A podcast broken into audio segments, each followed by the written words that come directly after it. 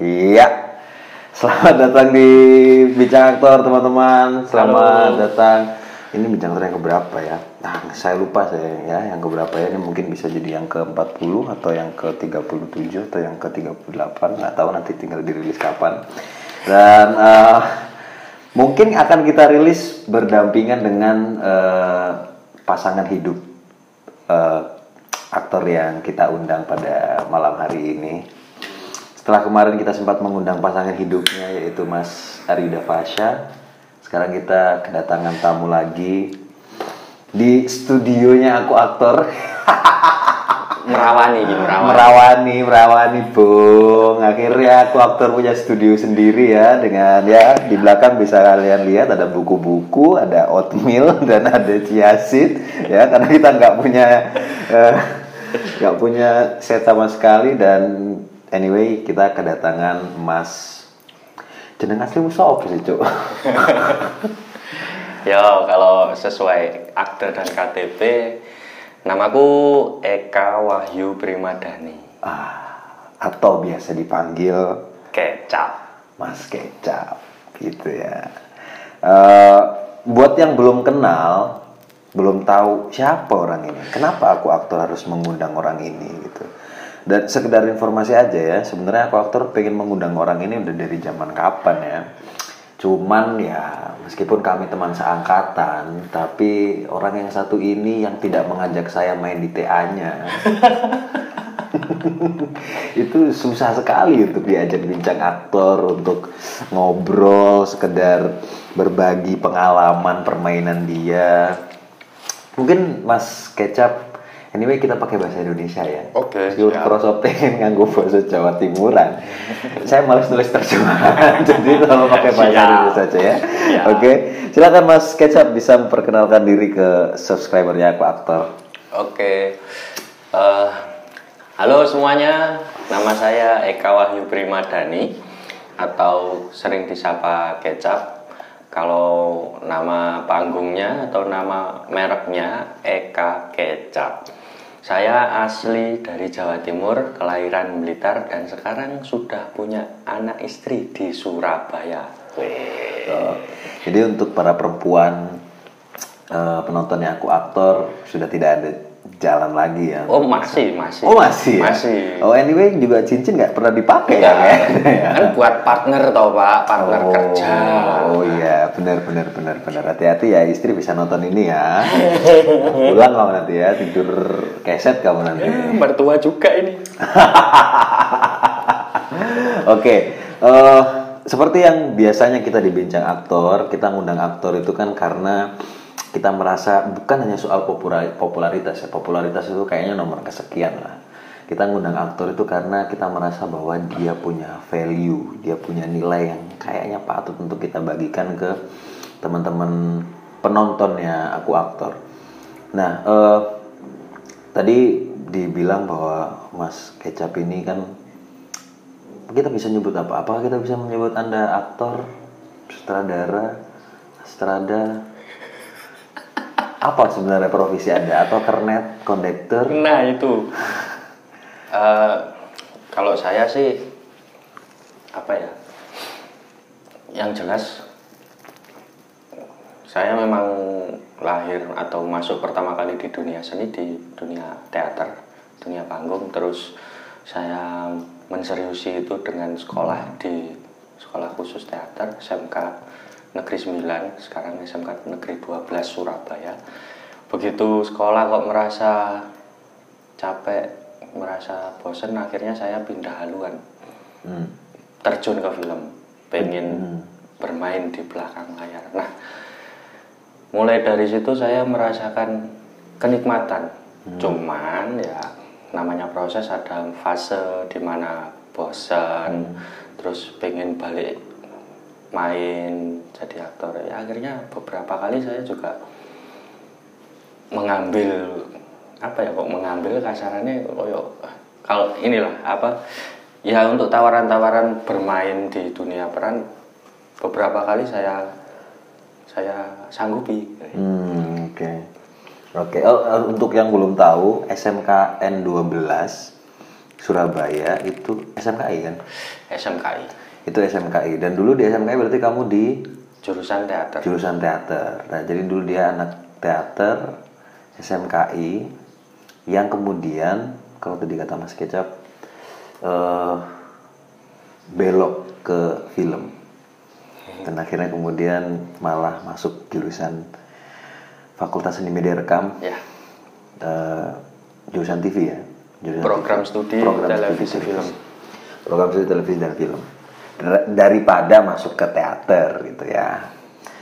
Kenapa? Kenapa? Apakah sebatas karena waktu itu sebatas karena sebelum nanti aku tanya kenapa memilih ah enggak deh aku tanya dulu deh soal soal kenapa anda kenapa anda memutuskan untuk memilih teater emang di Surabaya teater punya masa depan atau anda tidak tahu mau sekolah di mana. Terus akhirnya di SMKI ayo ini Pak Rifri eh, guru-guru ini mungkin nonton nih Iya memang sih. Eh, saya sebenarnya suka matematika, suka banget masalah hitung-hitungan. Tapi begitu SMP matematikanya itu angka ketemu huruf. Bledos Pak kepala Pak. Oh, oh, oh. Aku jadi wah kok gini sih matematika ada hurufnya ada X, Y, A, B, N. Nggak nggak apa susah gitu loh. Jadi apa berpikirnya kok gitu. Nah, saya memilih untuk sekolah di SMK. Cuman waktu itu waktu kelas 2, kelas 3 SMP saya lebih banyak berproses di teater karena ada ekskul baru di situ terus saya masuk pentas sekali kok langsung nyaman. Wah, kayaknya asik nih sekolah teater.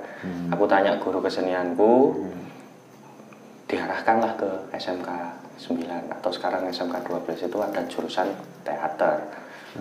Seneng. Ya udah aku sekolah ke sana. Lah kok ya masih aja ketemu matika, matematika yang pakai huruf itu. Aduh. emang di film nggak ketemu matematika Ya ketemu sih. Akhirnya ya ketemu tetap pakai pakai rumus, pakai apa fisika lah jelas kimia juga. Tapi eh, apa ya? Kalau matematika itu lebih ke kehidupan sehari-hari itu loh. Oh, oke Tapi untuk menjalankannya kita butuh seni. Hmm, hmm, hmm. Nek mau kalau cuma sekedar menjalani aja ya apa matematikanya cuma soal hitung-hitungan duit aja yang kamu suka nih iya sih. Kalau itu saya juga suka ya, matematika hitung-hitungan duit, berapa masuk, berapa keluar gitu ya. iya. Terus aku berarti eh, dari SMP kemudian eh, ikut ekskul teater yang pada akhirnya diarahkan sama guru kesenianmu untuk masuk ke SMKI. Punya darah seni gak sih di keluargamu? Cap? Nah itu, aku coba menelusuri itu. Cuman untuk it- bagian itu aku belum menemukan. Jadi aku sempat tanya bapak, ibu, simbah, simbah, nggak ada itu. Yang maksudku pemain kesenian apa? Orang kesenian daerah.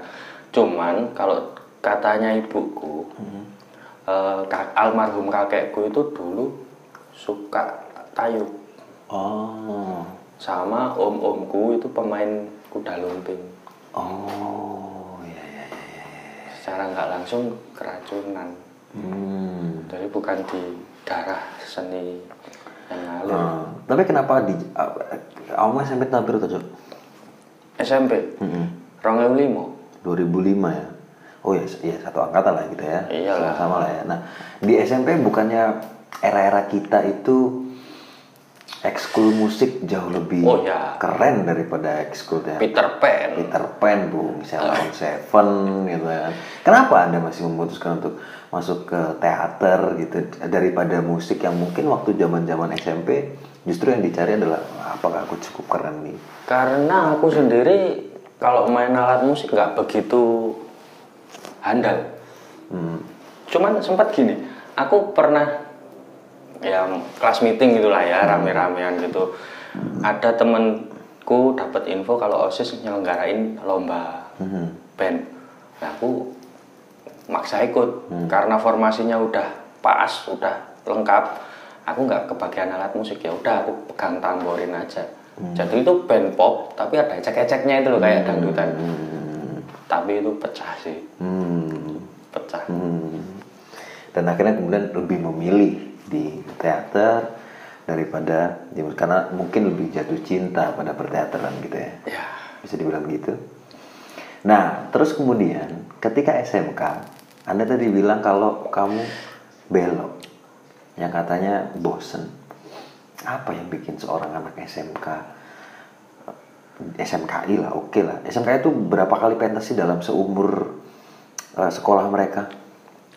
ya kalau satu semester adalah dua, minimal dua satu Minimal semester. dua. Selama SMK kamu berapa kali pentas? Waduh, nggak ngitungi band. Oke ya. Ya kalau acara tahunan lah pasti yang FLS 2N itu tiga kali. Eh, yang ketiga itu enggak sih, aku cuma jadi pemusik. Hmm. Be- Cuman kan beberapa kali ya. Sekarang gini, aku di SMKI itu cowok sendiri, satu angkatan. Oke. Jadi satu angkatan isinya lima orang. Oke. Aku cowok sendiri, sisanya cewek semua. Nah, salah satunya istriku. Oke. Oke. Nah itu dia ya karena bebanku lumayan besar terus ya jaga nih ya ya apa yang jaga nih bu bahasa Indonesia sih Apa yang yang nganter pulang Iya. ngajakin makan Menjaga Ah, empat perempuan itu. empat perempuan itu waduh udah berasa poligami aku Oke oke oke oke oke. Karena kelelahan itu yang memutuskan untuk Enggak sih, aku lebih kelelahannya gini. Ketika aku sekolah di SMK, itu dulu zaman zaman zamannya udah kayak kuliah diisi. Sekolah pagi sampai siang, sore sampai malam latihan, bahkan sampai tengah malam. hmm, Jadi aku nggak punya waktu buat apa ya? Ya namanya anak SMA itu suka main, suka nongkrong, eh, punya hobi yang tak geluti itu sampai nggak sempet. Hmm, ya itulah aku merasa capek aku waduh aku kehilangan masa-masa indah di samping teman-temanku yang SMA itu udah mana-mana ngapain aja ya aku cuma kok aku berkecimpung di panggung doang hmm. ya adalah rasa berontaknya gitu udahlah aku pindah aja Dan kenapa film? Nah, gini, kalau menurutku ya, teater sama film itu masih kalau dalam satu laut itu masih sat- masih deketan itu loh. Hmm, sisa kolam ya. Nah, si- masih satu kolam.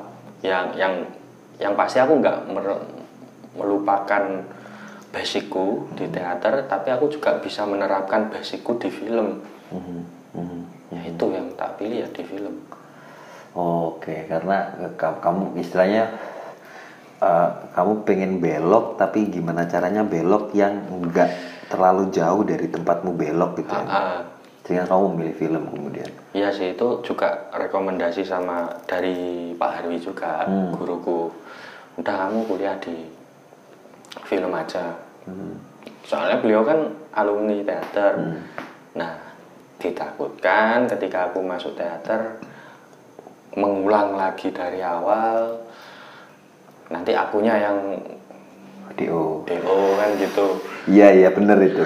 Itu benar sekali ya teman-teman ya. Memang banyak kasus diisi di mana teman-teman yang berasal dari SMKI terutama lalu kuliah teater di Gitu. isi Yogyakarta ataupun isi mana pun Soalnya nggak SMKI 90% Surabaya, DO. SMKI Jogja, SMKI Solo. sama aja sama aja mungkin karena memang ya materi yang diajarkan mungkin sama gitu Nah. entah mungkin apakah wacananya diperluas atau enggak aku juga nggak tahu akhirnya singkat kata kemudian akhirnya pindah ke ke ke jurusan itu masih di SMK kan Mm-mm. masih di SMK dari teater kemudian pindah ke jurusan film Kuliahnya masuk film. oh kuliahnya masih- berarti di SMK-nya masih yang masih yang bergelut di teater ya Iya. sama SMK ya Ah. baru pas kuliah memutuskan untuk eh, apa kecemplung di film. Nah, ketika di film kan kita tahu, saya lah ya, bukan bukan kalian. Saya tahu kalau Anda lebih memilih pada akhirnya memilih minat utama penyutradaraan di perfilman. Kenapa memilih minat utama penyutradaraan? Bukannya secara finansial itu sangat butuh modal yang luar biasa besar.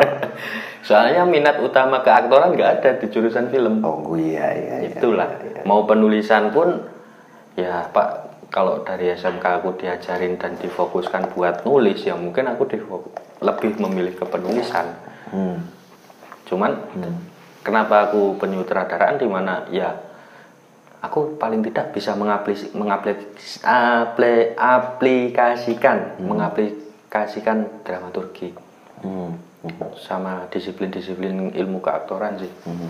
Nah, ketika kamu nyutradarain, ini ngobrol soal penyutradaraan dulu ya, Boleh. sebelum ngobrolin soal proses keaktoran. Apakah kamu eh, apa menyutradarai film dengan menggunakan kacamata panggung karena sebelumnya kamu ada di teater atau gimana caramu berpindah dari menyutradarai teater kemudian jadi menyutradarai film? Ada ada ada treatment yang beda? Kalau itu sih aku malah gini, itu beda banget menurutku. Karena secara media udah beda. Cuman eh, apa ya ideologi-ideologi panggung tetap tak bawa. Karena apa? Secara logika, logika panggung sama logika frame itu aja udah beda. Kalau kita memaksakan logika panggung, otomatis ada sesuatu yang dikalahkannya. Mhm. Mhm. Mungkin dari sinematografinya Mhm. atau unsur-unsur lain, misalnya Hmm. yang lain. Nah, itu. Cuman kan dalam kita kuliah, dalam proses kita kuliah kan cuma kita belajar nih. Nah, aku mencoba mencari di mana aku bisa menyisipkan. Mhm. Kalau nggak menempel, ya itu aja sih belum belum kayak Mas Garin yang udah se wah ini gila ini. Itu dia di situ. Nah, ini udah Pak. Mas Garin. Ngapunten. Oke oke oke. Artinya kemudian tetap ada adaptasi ya darimu ya. Ketika mau menyutradarai eh, film meskipun kemudian tetap menggunakan pengetahuan-pengetahuan dasar yang pernah kamu pelajari di teater. Sebesar apa pengetahuan-pengetahuan yang kamu pakai di selama kamu SMA terutama ketika di teater, pengaplikasiannya di eh, dunia perfilman yang kamu geluti waktu kuliah? Gini, yang secara jelas di sampai sekarang ya yang aku yang aku terapin olah tubuh, olah vokal, sama olah rasa. Itu masih masih kepake banget gitu loh. Dan sebagai sutradara atau orang di belakang layar kan bisa menilai nih, oh kok gini sih tubuhnya, vokalnya nggak gini deh harusnya, dia intonasinya harus lebih deket, kan nggak perlu ngomong yang keras-keras tapi berbisik aja cukup, kayak gitu. Atau mungkin rasanya yang kurang, atau rasanya yang berlebihan, itu yang paling yang paling dominan sih itu. Cuman ditambah lagi ini Ben, blocking moving. Hmm. Nah itu ketika ya kita semua pernah lah nonton ya apa film yang statis, yang ngeflat gitu, cuma berdiri berdua atau sekedar lewat wer gitu kan. Ya itu sangat mengganggu menurutku. Aku menghindari shot-shot yang seperti itu karena apa? Ya kamu bisa bermain kedalaman gitu loh di dalam frame atau di panggung. Tapi kenapa kamu nggak memanfaatkan itu lebih bagus? Oke, artinya kemudian kamu punya kacamata penilaian permainan aktor di film lebih dalam karena sebelumnya sudah pernah mempelajari aspek-aspek soal keaktoran itu di teater. Bisa jadi seperti itu. Sepanjang kamu nyutradarai, sepanjang kamu nyutradarai dan memilih pemain, pernah kecewa dengan pemain yang kamu pilih? Ya pernah. Kapan dan apa yang terjadi? Itu ini film ke satu, dua, tiga, empat. Film keempat, Asmara Dana judulnya. Oke. Itu begitu udah kami lock nih, Hmm. tiba-tiba cancel. Mhm. Besok pagi syuting, tadi sore dia cancel. Nah itu itu yang bikin kecewa banget sih itu. Oke. Tapi kalau secara permainan menurutku eh, aku nggak bisa nggak bisa menolak itu sih. Aku tahu mereka sudah berusaha maksimal. Mhm. Ketika maksimalnya mereka nggak memuaskan aku, ya udahlah Kenapa ya udahlah? Kan ketika kamu bikin film as a sutradara sebagai seorang sutradara, hmm, kalau ya udahlah berarti yo ngapain bikin? Kalau pada akhirnya ternyata pemainmu tidak tidak berhasil memuaskanmu gitu. soalnya gini yang dipuaskan kan taraf kepuasan kan di aku bukan di penonton Hmm. ketika aku mem- memandang preview gitu aku lihat kok masih gini tapi wah udah cukup kok Hmm. ya udahlah itu sih karena kalau di film kan kita nggak mau nggak melulu long take Iya. ada bagian-bagian yang bisa dipakai bisa dibuang Hmm. kayak gitu sih Hmm, Oke. Itu kalau pemain, eh kalau kamu melihat pemain, apakah pernah puas atau tidak? Kalau kamu sebagai pemain, pernah merasa tidak memuaskan sutradara? ya pernah sih pernah sih Apa yang terjadi? Kapan itu? Di mana dan kenapa bisa begitu? Kenapa bisa tidak memuaskan? Ah, yang terakhir sih aku syuting sama Misty Oke. Misty Days Iya ya. itu kali pertama aku aku syuting dengan sutradara yang take oke gitu. Iya iya. iya. aduh oke ya aku jadi Pak Ijo reading udah dapet karakter udah kebangun begitu syuting ya oke cut next shot Sip. otomatis aku harus menilai ulang menikmat aku nikmat aja belum loh waktu take pertama kan Hmm. Maksud gua aku belum terlalu in. Ya memang harusnya aku in dari awal sih. Cuma aku belum in. Terus wah ini aku gimana ya continuity-ku? Itu aku yang mikir banget itu kon- masalah continuity gitu. Di mana titik aku harus dialog di mana aku harus membuang pandangan merespon pemain. Itu yang menurutku susah di film. Hmm. Nah, begitu diulangi di shot berikutnya, otomatis kan takaran berubah, Pak. Hmm. Shot lebih padat atau shot lebih luas, otomatis eh, gerakku, gesturku itu juga harus dipengaruhi juga kalau aku loh. Nah, karena itu one take oke dan aku nggak bisa preview, ya, ya udahlah. Aku nggak merasa puas di situ sebagai Pak Ijo Hmm. untuk eh, scene awal sih eh, maksudku hari pertama syuting pertama syutingnya. Heeh. Karena Mbak sedang menyesuaikan waktu itu. nah tapi setelah itu ya udahlah aku udah tahu treatmentnya oh berarti aku harus gini aku harus gini aku harus bisa mengukur sebelum aku take jadi begitu ma- begitu masuk set eh, kita coba blocking coba moving terus latihan sekali bahkan dua kali segini segini aku harus mengukur ya apa yang tak lakuin apa yang harus it- aku dialogkan di mana kadang uh, interaksi dengan lawan main. Itu sih penulis menyesuaikan Dalam pemahamanmu acting ini apa tuh, Pak? ngelakoni. Maksudnya? ya berlaku. Mhm. melakukan. Kalau berlaku, kenapa kemudian harus di- dipisahkan eh, terminologi acting di atas panggung? Artinya kalau melakukan sekedar melakukan saja kan kita sekarang bahkan juga sedang melakukan sesuatu kan. Mm. Kamu sedang minum bahkan ketika kita nggak sedang di depan kamera gitu kan kita sedang berlaku. Kita tidak pernah tidak berlaku dari awal kita hidup sampai sekarang gitu. Bahkan ketika kita tidur pun sebenarnya kan kita berlaku gitu. Nah, apa pemahamanmu? bedanya adalah ketika kita acting di film atau di panggung gitu ya ya kita harus terus berpikir harus konsen dan harus merekam itu secara aktor dan secara lawan main. Karena kalau itu nggak kejadi ya malah apa ya? Ini banyak gangguan-gangguan ini loh.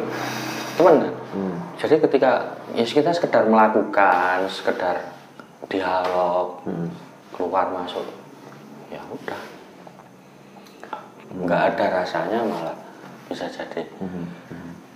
Artinya kemudian eh, acting menurutmu oke lah bahwa kemudian secara terminologi berarti berlaku atau ngelakoni. Iya, secara bahasa memang artinya kan melakukan. to act kan bertindak melakukan.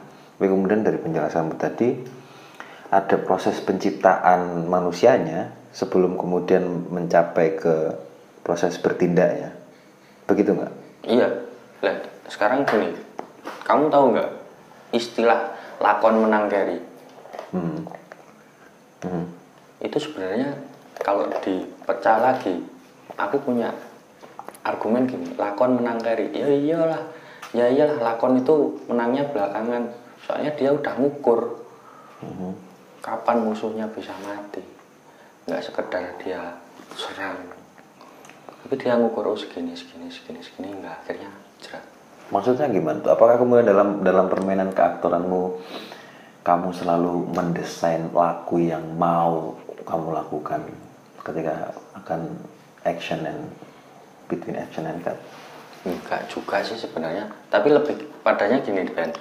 Eh, ya kita bermain nggak sendiri toh, Mm-mm. dan kita juga harus menyatu dengan unsur-unsur yang lain. Mhm.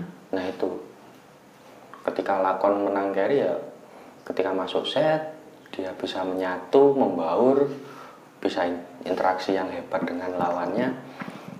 Itu menurutku udah menang dia, Hmm. menang secara permainan ya.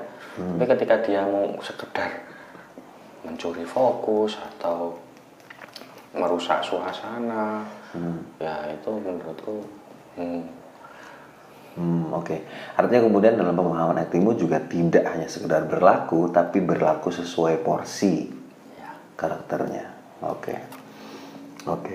Eh, Ketika kamu lagi menciptakan karakter, nah sekarang baru kita ngomongin soal proses penciptaan karaktermu ya.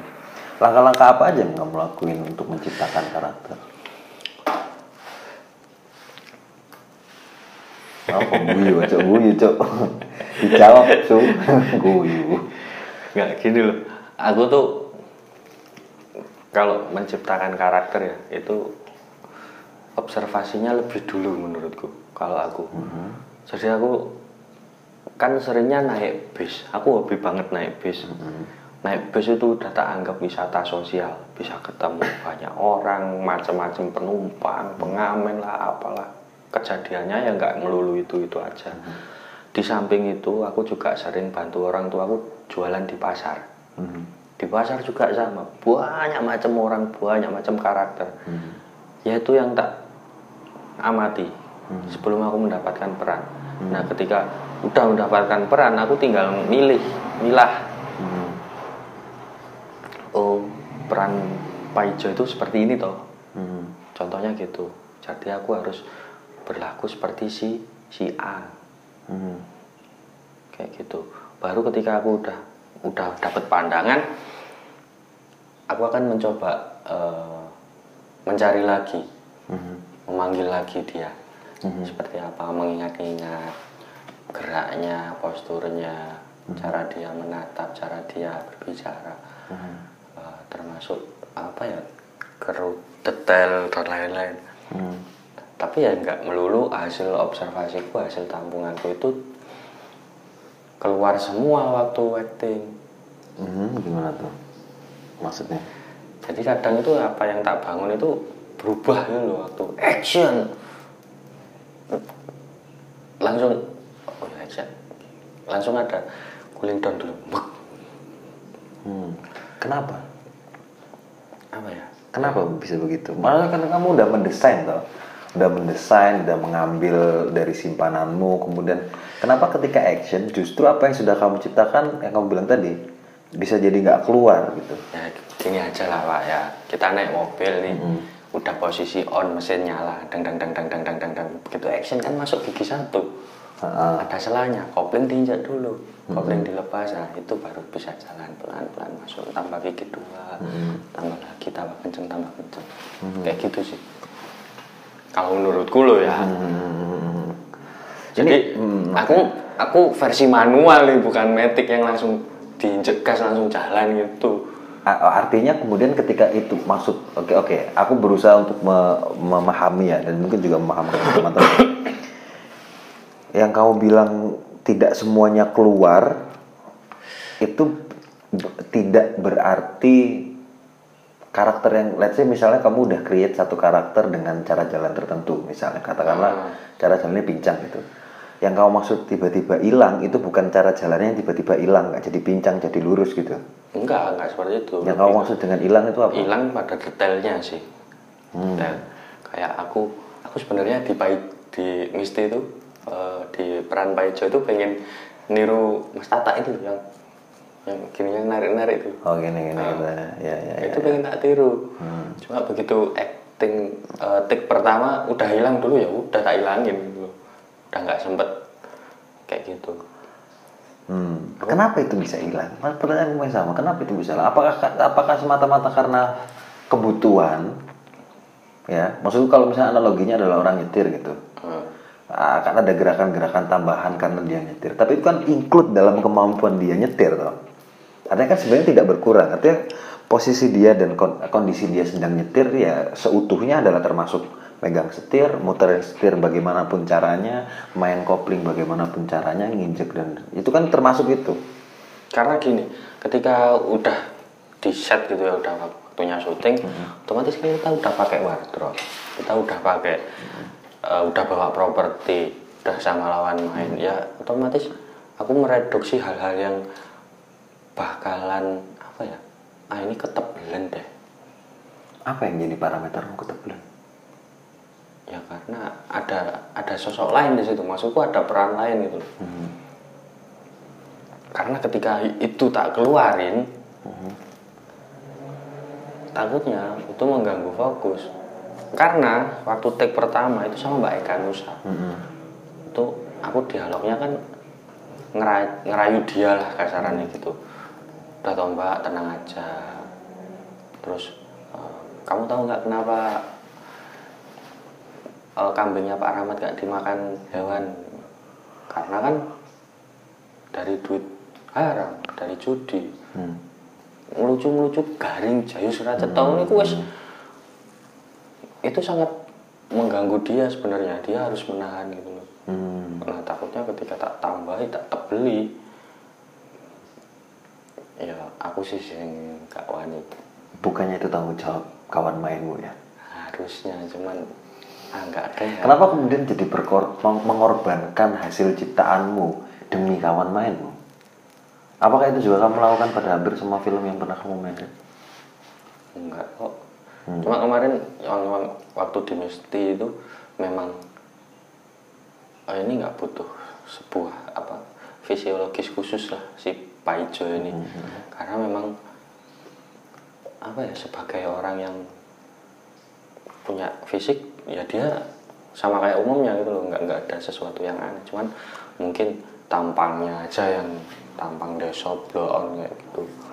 Ya udahlah itu itu wis. Ah cukup semini. Semini cukup. Segini aja cukup nggak usah ditambahin. Hmm, oke. Ah, artinya kemudian eh, mungkin sedikit sedikit menyimpulkan sementara ya dari apa yang dijelaskan oleh Kecap tadi. Eh, meskipun kamu sudah mendesain karakter sedemikian rupa, menciptakan detail dan lain sebagainya, di lokasi masih mungkin detail-detail itu tidak jadi kamu gunakan. ya Apa itu nggak sia-sia dengan hasil penciptaanmu? enggak enggak sih Kamu nggak ngerasa kalau ah ngerti tahu gitu nggak usah lah aku bikin gini-gini. enggak Kenapa bisa begitu? Kan kamu sudah berjuang banget toh Pak untuk menciptakan eh, satu karakter dengan apa namanya eh, apa karakteristiknya sendiri gitu. Dan pasti juga sulit untuk menemukan itu gitu. Ada effort besar untuk menemukan itu. Bukannya ketika effort besar itu pada akhirnya tidak kamu gunakan, artinya itu mengkhianati prosesmu sendiri. Bukannya kamu begitu? Gini Ben kalau secara ensembling ya ensemble ya wis. Aktor kan juga harus punya apa ya apa nek, kalau anak musik itu solfege-nya itu juga harus ada. Maksudku solfege bukan di indera pendengaran aja gitu. dia harus bisa eh, menyatu juga tau sama yang lain. Nah itu ketika ketika itu tak tambahin takutnya nggak tambah bagus tambah fals gitu kan ya wagu Hmm. Ya Bukannya tujuan kita bermain adalah menyelamatkan adegan, bukan menyelamatkan kawan main. wah Masa? gini kalau itu aku setuju Ah. cuman ketika ah udahlah segini aja cukup Karena kan kita ketika kita menyelamatkan adegan secara nggak langsung kita menyelamatkan kawan main kan. Kalau Iya. kita menyelamatkan kawan main, tidak tentu kita menyelamatkan adegan. Benar? bener Yang gimana? tuh? jadi gini Karena bisa jadi ciptaan detailmu justru menyelamatkan adegan kan. ya itu belum tahu hasilnya kalau belum dicoba sih Mm-mm. karena ya waktu kemarin ya itulah aku bilang one take oke dulu Oh, oke. Nah, Oke. Tidak ada kesempatan ke- seperti tidak ada kesempatan kedua untuk meli untuk mereview dulu kemudian mencoba lagi. iya Hmm. Hmm. begitu cut oh iya kok hilang ini nih Ah, padahal itu menarik loh, Cam. Menarik loh. Maksudku, aku juga ikut main di Misty ya, teman-teman ya. Mungkin ini akan rilis setelah Misty ya. Karena ini kita ngobrolin Misty, takutnya ntar spoiler. Mas Tatanya ngomel-ngomel nanti. Eh, kurang lebih sama kemudian. Kalau di Misty kan aku mem- memutuskan untuk tindih, memutuskan untuk eh, apa membentuk tubuh sedemikian rupa. Yang mungkin memang kan kita kadang-kadang ada ada di posisi kayak gini tuh. Pasti kita pernah di posisi kayak gini. Kita sebagai aktor secara personal sudah menciptakan karakternya sedemikian rupa. Tapi kawan main kita nggak melakukan itu. Apalagi mungkin ketika kamu di Maka I'm Coming atau di film-film yang berhadapan dengan teman-teman dari eh, kota sebelah, Hmm. mostly dari apa yang kulihat ya terutama ya bisa jadi salah nih apa yang aku bilang tidak ada atau minim penciptaan karakteristik gitu penciptaan karakter yang punya identitas yang nah itu itu art- bukankah artinya kamu mengorbankan kualitasmu? Hanya demi biar aku sejajar dengan mereka.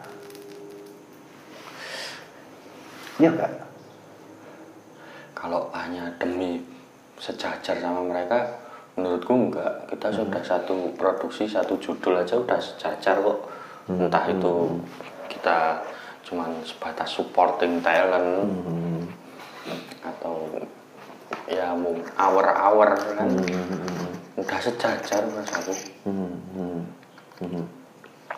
Tapi kemudian oke lah itu persoalan penciptaan detail mungkin kemudian kita bisa mengurangi. Tapi gimana dengan energi, vibra atau getaran atau power? Gimana cara menguranginya? Kalau ternyata power kita jauh lebih besar daripada kawan main kita. kalau itu aku belum sih belum pernah ngalamin sih Hmm. belum pernah ngalamin ya ngalamin mungkin pernah aku ngalamin tapi ya udahlah aku ngikutin aja lah Oh, oke oke oke oke oke. Jadi kamu adalah bisa nggak aku simpulkan begini? Kecap adalah seorang tipikal aktor yang merelakan hasil ciptaannya agar kawan mainnya tidak terbunuh dalam sebuah adegan. bisa jadi Tapi bukan kayak itu artinya membunuh karirmu secara nggak langsung. kok. karena aku sendiri acting adalah hobi pak Hmm. Kalau itu hobi, kenapa rela meninggalkan keluarga yang jauh di Surabaya? Pada setiap momen kamu ada syutingan. ya kapan lagi hobi yang dibayar